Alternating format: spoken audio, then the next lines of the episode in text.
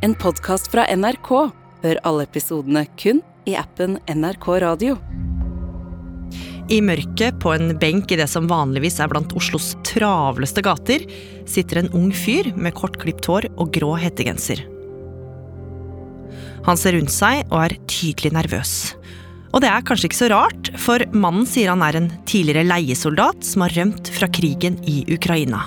Og nå skal han gi sitt første intervju til et norsk mediehus. Han har nemlig blitt en brikke i et stort politisk spill mellom Russland og Vesten. Hvem er han, og kan vi egentlig stole på noe av det han sier? Du hører på Oppdatert. Jeg heter Gry Baby. Klokka var eh, halv elleve på mandag kveld. Da ringte telefonen min, og eh, der var det Andrej Medvedev, denne Wagner-avhopperen, som sa at eh, kanskje kunne han eh, tenke seg å, å snakke med meg. Bli intervjua. Jan Espen Kruse, du er journalist her i NRK og tidligere Russland-korrespondent. Og det her var jo spektakulært, for mannen som ville møte deg, det var ikke hvem som helst.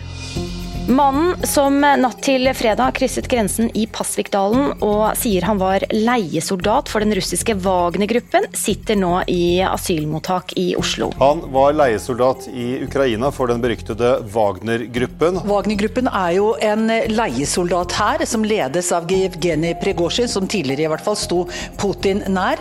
De hevder selv at de har 45 000 soldater under våpen i Ukraina, og de skal også ha stått bak massehenrettelser av eh, soldater som har nektet å følge ordre. Det at eh, det kom en Wagner-avhopper over grensa til Norge, det har jo aldri skjedd før. Så naturligvis var jo alle norske medier superinteressert i å få et intervju med han. Men eh, ingen hadde klart det, for han oppholdt seg på hemmelig sted, og advokaten fortalte bare lite grann, og, og lot ingen andre møte han. Men nå hadde du han altså på tråden. Hva sa du til han? Jeg spurte Medvedev hvor han var i Oslo. Han sa nei, det aner jeg ikke, sa han. Jeg bruker telefonen og GPS. Ja, men kan du snu deg rundt og se, finner du et gatenavn, da, sa jeg. Ja, han fant noe som Han leste Akersgata. Og så spurte jeg er det en butikk i nærheten der som du kan se navnet på. Ja, han sto utafor noe som het David Andersen.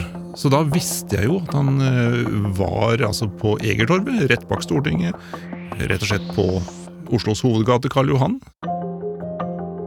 Da bare hoppa jeg ut av sofaen og tok meg til NRK. Der møtte jeg fotograf og en annen kollega, og vi dro ned til sentrum av Oslo for å treffe han. Når vi kjørte i bilen fra NRK ned til sentrum, så var det jo masse spørsmål i hodet. Jeg hadde en lang liste som jeg hadde skrevet på forhånd med spørsmål. altså Hvorfor valgte han Norge? Hvorfor gikk han med i Wagner-gruppa? Hvorfor forlot han dem? Hvor farlig tror han at situasjonen er for hans liv akkurat nå? Eh, også her i Norge. Så det var tusen spørsmål som fløy gjennom hodet. Det var jo litt usikkerhet rundt hva slags person han egentlig var. Altså, han var jo en tidligere leiesoldat. På telefonen hadde han hørt litt nervøs ut. Han var utålmodig. Han eh, lurte på hvorfor vi trengte så lang tid på å komme ned til sentrum. Så eh, jeg visste jo heller ikke om det var noe sikkerhetsopplegg rundt han. Eh, hvordan situasjonen var. Og så kom dere fram til det som på dagtid er fullt av folk, nemlig Karl Johans gate. Nå var det mørkt og nesten tomt. Men det var jo én som var ute. På en benk litt lenger borte der sitter det en mann og røyker. Han er kledd i joggebukse, en joggedrakt, har en jakke utapå. Eh, midt på natta, nærmest, i hvert fall veldig veldig seint, så sitter han der helt aleine. Så går jeg bort, jeg presenterer meg, hilser på han og snakker med han på russisk. Hvordan var han når du hilste på han? Da var han øh, hyggelig, han var øh, normal, men jeg kunne se at han var nervøs. For han visste ikke helt hvem vi var, kunne han stole på oss? Jeg tror det gikk mange tanker gjennom hodet hans. Så jeg går jo i gang med intervjuet med en gang.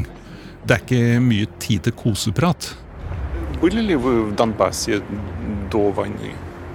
В 2015 году я был, проходил военную службу, срочную службу. Han fortalte at eh, han hadde vært i førstegangstjeneste i Russland i eh, 2015. Da hadde han blitt sendt til eh, Øst-Ukraina, eh, selv om det da ikke var noen eh, formell krig mellom landene. Eh, så han hadde vært i området før.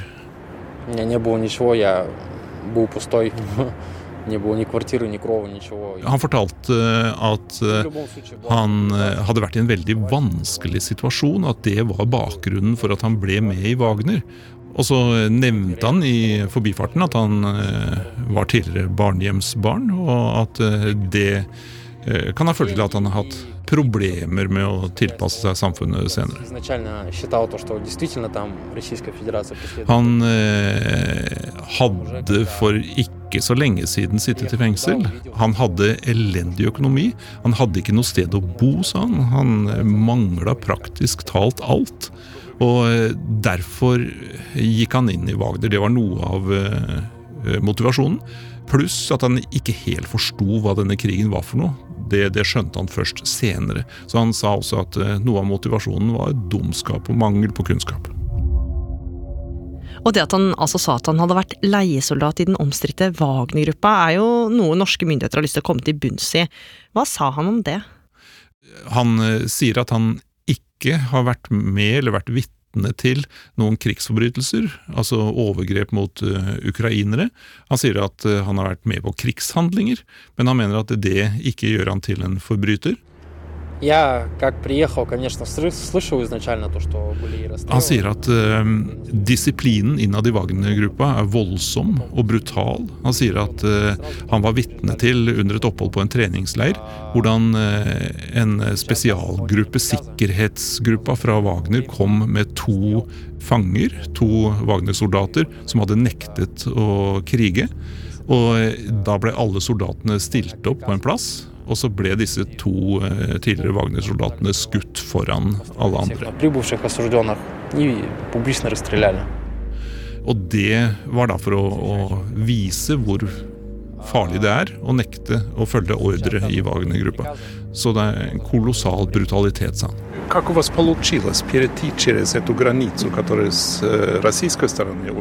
Jeg spurte hvordan er det mulig at du har tatt deg gjennom en russisk grensesone som er så bevokta som eh, grensa i nord til Nato-landet Norge. Noen lurer på om han har samarbeida med russiske myndigheter, om de har sluppet han gjennom, eller noe sånt. Og så sa han at eh, den eneste hjelpen han har fått, var fra Gulagunet, denne dissidentgruppa som måtte forlate Russland i fjor, og som nå holder til i Frankrike. De har kontakter innad i Russland. De hadde hjulpet han hele veien til å ta seg fram eh, helt til Murmansk, og også videre den siste delen over grensa. Han eh, sa at han hadde tatt seg over to grensegjerder og kommet gjennom en skog til en liten elv, som var frosset til, og han hadde tatt seg over isen. Der hadde russiske grensestyrker skutt to skudd etter han. De hadde sluppet løs en eh, hund. Men den hadde satt seg fast i piggtråd, sa han. Så den hadde ikke nådd fram til han. Så han hadde fortsatt over eh, isen til eh, den andre siden, altså til den norske bredden, som han sa. Norsk side, norsk territorium. Og der banka han på ei dør og fikk kontakt med myndighetene. Э, Считали ли вы, что э, ваша жизнь в опасности здесь? Jeg stilte spørsmål til han om han frykter for livet sitt nå som han er her i Norge, og det bekreftet han. Вообще, исходя из Medvedev sa at han eh, er redd for livet sitt eh, her. Enten fordi russiske myndigheter eller fordi Wagner-gruppa skulle kunne nå han også her. Så helt tydelig at han var engstelig redd for det. Окей.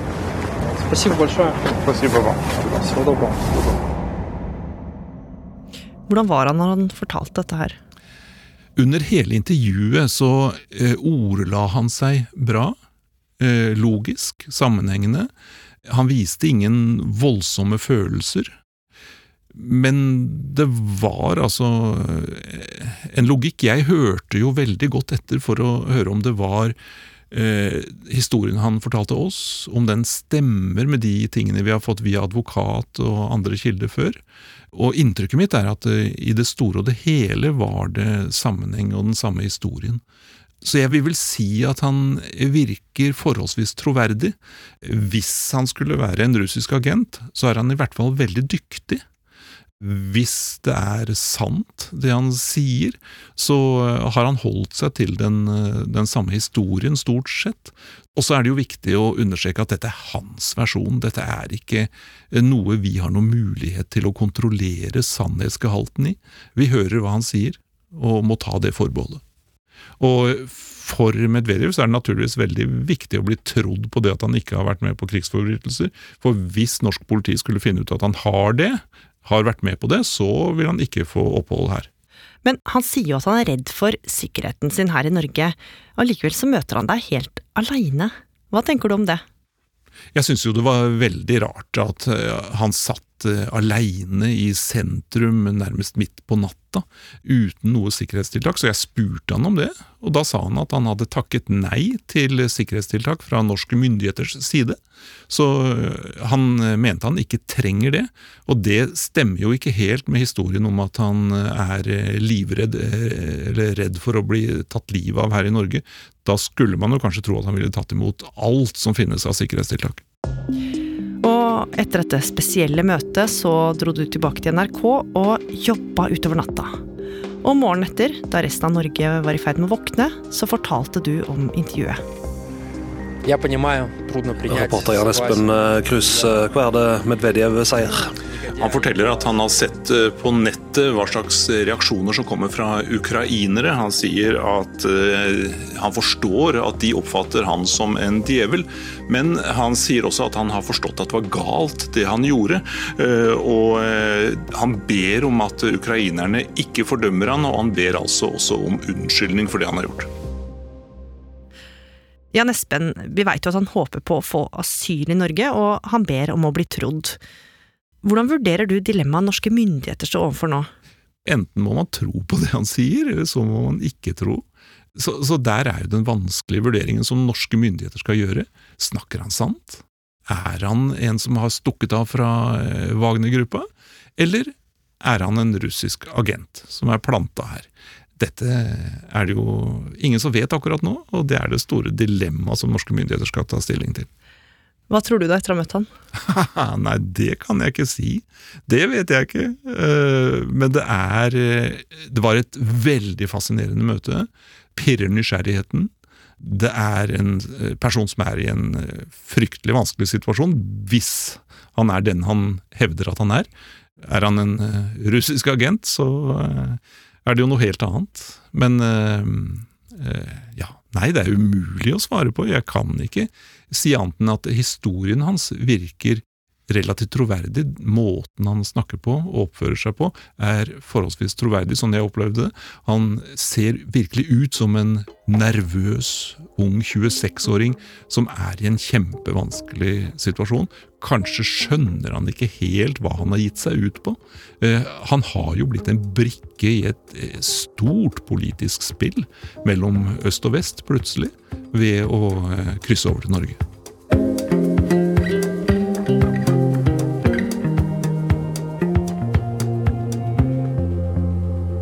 Oppdatert er en podkast fra NRK Nyheter, og denne episoden den ble laga av oss. Produsent Lars Hægeland. Lyddesign Andreas Berge. Vaktsjef Ina Swann. Og jeg heter Gry Veiby.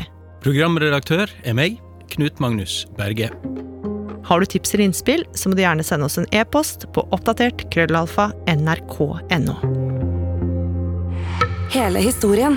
En podkast fra NRK. Pasienter frykter at de har blitt operert av legen som står bak feiloperasjoner på Sørlandet. I elleve år skjærer en lege i kropper uten å ha riktig utdanning. Så sier han bare det er koldbrann.